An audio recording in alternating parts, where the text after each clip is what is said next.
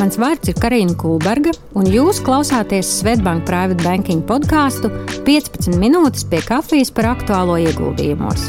Kopā ar maniem kolēģiem apspriedīsim karstākos nedēļas notikumus finanšu tirgos un labklājības veidošanas tēmās. Ik nedēļu kompaktā un nepiespiestā 15 minūšu sarunā.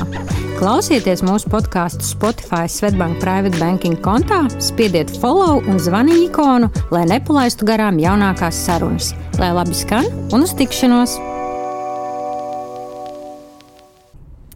Sveiciens mūsu klientiem! Šodien tiekamies jau jūnija pēdējā dienā. Nu, būtībā pirmais pusgads jau ir paskrējis nemanot. Šodien esmu kopā ar uh, kādu arī īpašu viesi, Sergeju Laboru. Čau, Sergej! Sergejs jau ir mūsu vecākais privāts banķieris, kurš piedalījies uh, dažādās arī mūsu webināros, dažādos līdz šim esmu droši, ka jūs viņu atpazīsiet.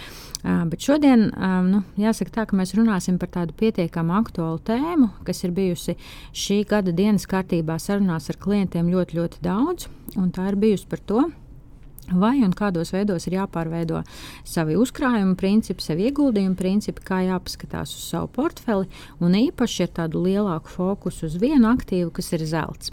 Un te, protams, jāsaka tā, ka mm, mēs jau uh, septītajā epizodē ar Mairu runājot par pasaules slaveno Reju Dalijo, pieskārāmies vienam no viņa pamatprincipiem, kur viņš teica, jāpaskatās pagātnē, lai saprastu, kāda tad varētu būt nākotne.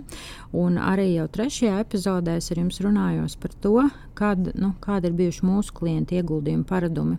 Un tas, ko mēs izteikti redzējām iepriekšējā krīzē, ja tā varētu teikt, kas bija šī Covid laika krīze, ka bija klienti pamainīja ļoti, ļoti strauji savus paradumus tādā pašā krīzes sākumā un norādīja to, ka mēs, kā jūs zinat, katru gadu veicam šo savu klientu aptauju, lai redzētu, kas būtisks un aktuāls ir jums ieguldījumos.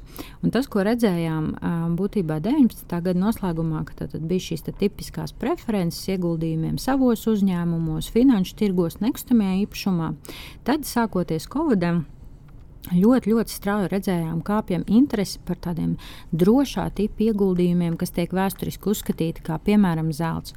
Un tā zelta loma pēkšņi pieauga līdz tam, kad jautājot klientiem, kur viņi plāno ieguldīt šajā laikā, tātad šajā Covid pīķa posmā apmēram 15% klientu teica, ieguldīsim zeltā. Savukārt jau pēc pusgada tā interese par zeltu kā ieguldījumu veidu atkal mazinājās. Nu, to redzējām lielā mērā arī finanšu tirgos, ka sākumā bija šis kritums, bet tomēr tas, protams, par to esam iepriekšējās epizodēs arī runājuši, ļoti, ļoti tirgi ātri atguvās. Arī, ja mēs jautājām šī gada sākumā, pirms kara iestāšanās, tad, tad tie bija apmēram 6% mūsu klientu, kas atbildēja domāja, ka vēlās ieguldīt zeltā. Protams, šī proporcija ir stipri, stipri mazāka nekā tādos galvenajos nu, izvēles instrumentos, kā piemēram akcijās norādīja, ka vēlas ieguldīt 47%. Nu, bet tomēr šobrīd augstās inflācijas apstākļos, par ko runāju ar Mārtiņu, savukārt jau sastajā epizodē tas jautājums arvien aktuālāks. Un droši vien, ka arī daudz no jums redzējuši pietiekami daudz rakstus, nu, kas tad varētu būt tie brīnuma līdzekļi pret inflāciju, kā domāt par ieguldījumiem augstas inflācijas laikā. Un uzreiz gribu jautāt arī Sergejam, šodienas tēma mums ir šis zelts. Nu, kā tu redzi un ko dati saka par to, vai zelts ir brīnuma līdzeklis, ko iekļaut savā portfelī, vai tās ir zāles pret inflāciju? Mhm. Jā, vai citiem vārdiem, vai zelts ir hedge, mm -hmm. riska ierobežošanas rīks pret inflāciju. Nu kā, tiem investoriem, kuri apsver domu iegādāties zelta stieni vai zelta fondu tagad, uztraucoties par inflāciju, jāzina, ka zelta cena nav konstatēta izteikta korelācija jeb saistībā ar inflācijas radītājiem. Tas ir zelta cena, un inflācijas radītāji nevienmēr mainās vienā virzienā. Var visādi reiķināt, bet pēdējos 50 gadus tas ir periods pēc tā saucamā Niksona šoka, kad tika atcelts zelta segums dolāram, par ko tu, manuprāt, bija runājām. Jā, jā, būtiski divas iepriekš. epizodes atpakaļ. Jā. Jā. Mhm. Tad kopuma sakarība starp zelta cenu un inflāciju bija no 0,1 līdz 0,2. Ja? Un, kā mēs labi zinām, ja korelācijas koeficients ir viens vai tuvu tām, tad tā ir tā absolūta korelācija. Palielinoties vienam mainīgajam, palielinās arī otrs. Un otrādi, ja koeficients ir minus viens, palielinoties vienam, otrs samazinās. Bet mūsu gadījumā koeficients ir tuvu nulli, kas nozīmē, ka sakarība nepastāv vai tā ir visai vāja. Vienkārši valoda runājot, un arī vēsturiski skatoties, It īpaši brīžos, kad inflācija ir bijusi augsta vai ļoti augsta, ar zelta palīdzību investori nevarēja aizsargāties no tās. Šeit jāatrunā, ka šodien mēs salīdzināsim ASV datus, tos vienkāršāk iegūti un tie ir precīzāki. Turklāt zelts ir denominēts ASV dolāros. Un tātad pēdējos 50 gados ASV trīs reizes ir bijuši augstas inflācijas periodi. Un augsta inflācija mūsu izpratnē ir 4% un vairāk, jo vidē inflācija ASV pēdējos 100 gadus ir bijusi virs 3% līdz 4%. Tātad šādu periodu bija trīs. 70. gadu vidū, 80. gadu sākumā un 80. 80. gadu beigas, slēdz 90. gadu sākumā. Un tikai 70. gadu zelta cena tiešām bija pieaugusi vir, virs inflācijas līmeņa radītājiem. Toreiz pieaugums bija pat trīs reizes lielāks. Turpretī 80. gados zelta cena ne tikai nebija pieaugusi virs inflācijas līmeņa, bet ieguldījumi zelta pat uzrādīja negatīvu ienesīgumu. Līdz ar to aizsargāties no auļojošas inflācijas ar spontānu zelta pirkumu veikšanu tagad nevar.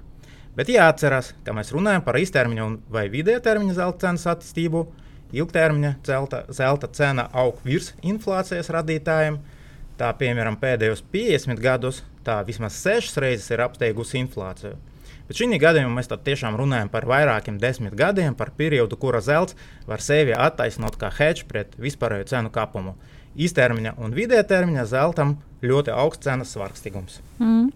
Jā, nu, droši vien, ka tiešām tas, tas samarīs no, no šīs pirmās daļas, ka tas arī, ko Sergejs vēlējās teikt, tiešām tātad runājot ar jebkuru no klientiem, redzam, ka nu, tiešām tādam īstermiņa, varbūt tādam taktiskam gājienam šobrīd tas laiks iespējams tajā zeltā saredzēt kaut kādu īstermiņa efektu varbūt nebūtu tik liels, bet kas ir interesanti, nu, tomēr diezgan daudzi arī bieži min, un mēs arī paši redzam, ka portfeļos zeltu iekļaut kā iespējams ne šo te īstermiņa instrumentu, bet nu, tādu ilgtermiņa, ilgtermiņa tādu hedžēšanas, ja tā varētu teikt, labu instrumentu. Jāsaka, gan ka tie viedokļi arī pasaules lielajiem investoriem par zeltu stipri, stipri atšķiras. Es jau esmu, manuprāt, pašā, pašā pirmajā šī visa podkāstu epizodē runājusi, piemēram, par Varenu Buffetu, kurš zeltu nemīl un nemīl tādēļ, ka sauc to par šo neproduktīvo aktīvu. Viņa izpratnē zelts tad, tad nenes nekādu potenciālu no tāda dividendžu viedokļa. Protams, zeltā dividendes arī neviens uh, nemaksā. Un numur divi, ka visa cerība balstās tikai uz to, ka kāds cits nākotnē redzēs, ka šī aktīva vērtība ir pieaugusi. Nu, kā zināms, tad Varens Buffets ir ārkārtīgi liels šo produktīvo aktīvu vai uzņēmumu akciju cienītājs, kur viņš spēja novērtēt to, ka tur ir kaut kāda izaugsme, produkti, preces, pakalpojumi, ko var pārdot, kuru vērtība nākotnē, kuru būs nepieciešama. Savukārt otrs, kas ir tāds pietiekami liels zelta mīlis, savukārt, nu, kuru mēs esam apsprieduši arī pavisam nesen kopā ar Mairu, 7. podkāstā reizē dalījā, savukārt ir pilnīgi pārliecināts, ka tā būtu pat kļūda neiekļaut zeltu savos portfeļos un uh, iesaka to izvēlēties būtībā katram. Viens tad, tad arī nu, no lielākajiem zelta saka, aizstāvjiem portfeļu veidošanā. Uh, Sergei, kāds ir tas ieskats tavs, vai zelts ir zāles pret kaut kādu akciju tirgu kritumu, un gal galā vai nu, to arī vajag iekļaut vai nē portfelī? Mm -hmm. Jā, tā ir, ka vēsturiski investori satricinājuma brīžus pērk zeltu kā drošu aktīvu, tā, tā saucamo safe haven. Uh, cerība, ka tā vērtība šajā periodā saglabāsies vai pat palielināsies. Tātad, vai zelts varētu būt hedge pret akciju cenu korekcijām? Nu, no vienas puses mēs redzam, ka piemēram 12 mēnešu sakarība starp zelta cenu un SP 500 indeksu pēdējos 50 gadus ir bijusi nu, ļoti vāja, tāpat no 0 līdz 0,15. Tātad korekcija akciju tirgus nevienmēr bija dzinulis zelta cenas ralliem. Akciju, akciju un zelta cenas var mainīties arī viena virzienā, un tīpaši tad, kad akciju tirgus notiek ļoti liels korekcijas, panika, zelta cena var krist kopā ar akciju indeksiem. Šo var izskaidrot ar to, ka, ka ekstremālās situācijās investori mēdz pārdot visus finanšu aktīvus un turēt naudas līdzekļus kontā. Turklāt investori dažreiz spiesti pārdot citus aktīvus, piemēram, arī zeltu, lai kompensētu zaudējumus akciju portfeļus. Pēc piemēriem tālu nav jāiet. Šādu bildi bijām redzējuši 20. gada februārī, mārta, kad viena brīdi zelta zaudēja pat vairāk nekā 10% savas vērtības un akcijas līdz 30%. Ja? Nu, tiesa, zelta cena toreiz ļoti ātri atguvusies. No otras puses, zelta cena ir tendence palielināts tieši lāču tirgos, Nu, šeit paldies Mārtiņam par lāču tirgus definīciju skaidrojumu iepriekšējā epizodē mm -hmm. un recesijas laikā. Tas ir skaidrojums ar to, ka nu, ar to pašu investoru vēlmi ieguldīt drošus aktīvus. Te atkal piemērs uz plaukstu. No gada sākuma zelta cena dolāros ir samazinājusies tikai par 0,75%. Tas šodienas dati, bet SP 500 indeks piedzīvoja sapīgu korekciju. Šobrīd esam pie minus 19%, bet gan, nu, gandrīz esam lāču tirgu. Lāču tirgos zelts tiešām var uzrādīt labāku rezultātu. Bet zelta cenu tomēr ietekmē drīzāk citi faktori un ir citi zelta cenas virzītāji. Gribu par tiem ātri pastāstīt. Šobrīd ASV Federāla rezervju sistēma spiesta dēļ augstas inflācijas celt procentu likmes, par to daudz runā. Un parasti procentu likmju kapuma periodā zelts kļūst mazāk attraktīvs, jo investoriem paveras jaunas iespējas ieguldīt līdzekļus citus instrumentus, tā skaitā, piemēram, ASV valdības īstas obligācijas ar cēšanas termiņu līdz vienam gadam, kuras nu, arī uzskata par safe haven. Turpretī par zeltu mēs teiktu, ka tas ir DDS, ja aktīvs, kurš neģenerē papildu pasīvus ienākumus, nu, piemēram, dividendes. Tātad procentu likme un ietekme uz zelta cenu. Zelta cena ir arī sakarībā ar ASV dolāra vērtību, jo metāls ir denominēts dolāros. Ja dolārs stiprinās, zelta cena mēdz samazināties un otrādi. Un šeit, protams, ja zelta cenu neietekmē citi spēcīgi faktori. Ja? Zelta cena ir ļoti spēcīga sakarībā ar naudas daudzumu ekonomiku. Tas ir loģiski. Ja? Zelta piedāvājuma apjomi pasaulē aug nu, aptuveni par 1-2% gadā jo iegūšanas iespējas zeltam ir ierobežotas, un, kā saka, vieglais zelts jau ir iegūts. Tagad būs jārok dziļāk. Bet naudas masa pēdējos gados, kopš pandēmijas sākuma, ASV palielinājās par 20% gada M2 naudas masa. Tāpēc pēdējos gados zelta cenas pieaugums ir bijis tikpat eksponenciāls kā naudas masas pieaugums. Zelta cenu, protams, ietekmē arī pieprasījums pēc juvelīra izstrādājumiem un citām precēm, jo vairāk nekā 60% iegūta zelta tiek izmantota ražošanā un juvelīra izstrādājumos. Līdz ar to zelta cenu nosaka arī pieprasījuma un piedāvājuma izmaiņas. Un, protams, nav jāaizmirst arī, ka zelts joprojām ir centrāla banku rezervju svarīga sastāvdaļa. Piemēram, 21. gada centrālās banka pirka zeltu un banku Zelta rezerves sasniedza augstāko radītāju pēdējo gandrīz 30 gadu laikā. Šobrīd bankam pieder aptuveni 20% no pasaules zelta krājumiem. 21. gads ir 12. gads pēc kartes, kad centrālas bankas bija neto pircēji. Tas ir pirka vairāk nekā pārdeva. Līdz ar to, apkopojot visu iepriekš minēto, var secināt, ka labi diversificētajā ieguldījuma portfelī Un, ja, nu, kas ir svarīgi, investors gatavs ieguldīt ilgtermiņā, zeltam, mūsuprāt, ir jābūt. Zelts palīdz sabalansēt portfeli, mazināt aktīvu cenu svārstību ietekmi uz portfeļa vērtību, jo nekorelē ar citiem aktīviem, kā mēs šodien redzējām. Uh mhm. -huh. Vai tie būs 5, 10% vai vairāk, ir ļoti atkarīgs no situācijas, tirgus un ekonomika, no investora ieguldījumu apetītes un mērķiem. Jā, nu, būtībā šie 5 līdz 10% patiešām atbilst arī tam, ko mēs regulāri redzam šajās arī ikgadējās klientu labklājības aptaujās. Jautājot, vaicājot klientiem, kas būs tie instrumenti, ar kuriem viņi papildinās savu teiksim, labklājību un kuros ieguldīs, tad uh, aptuveni šādās proporcijās zelts tipiski arī ir. Un, uh, protams, kā arī Sergejs minēja, tad šajos lāču tirgus laikos varbūt tā interese pieaug, bet atkal tādos mierīgākos laikos stabilizējas šajā līmenī. Un tad jau droši vien arī tas loģiskais jautājums, galu galā, nu, tā tad, uh, ok, uh, varbūt, ja kaut kāda interese par zeltu man ir, kā tad es vispār to varu nopirkt, uh, nu, izmantojot arī tā skaitā Svetbanku? Mm -hmm. nu, pirmkārt, fizisku zeltu Svetbanka nevar nopirkt. Bet es domāju, ka kopš uh, jebkurš investors var nopirkt biržā tirgotus zelta instrumentus. Neuzskatu, ka būtu kaut kādas izteiktas priekšrocības tā vieta pirkt un turēt fizisku zeltu. Uh, Nu, ja tikai patīk uh, paturēt stieni rokas un izbaudīt estetisko, estetisko prieku. Jā, bet uh, ar bankas palīdzību zeltu var nopirkt gan tie klienti, kuri vēlas pastāvīgi pārvaldīt savus aktīvus. Tas ir klienti, kuri paši veido savus ieguldījumu portfeļus, pērkot atsevišķas akcijas, obligācijas vai fondus. Šie klienti var nopirkt biržā tirgotus fondus. Nu, būtībā tas ir vērtspapīrs, kas glabājas jūsu ieguldījumu konta tāpat kā akcija, bet to bāzes aktīvu veido fiziskais zelts kas savukārt glabājas pārvaldnieka seifos. Ir tāds, piemēram, Cetra Gold, jā, kas, manuprāt, ir lielākais zelta birža tirgotais instruments Eiropā. Pār, pārvaldnieks pārvalda aktīvus vairāk kā 13 miljārdu eiro vērtībā.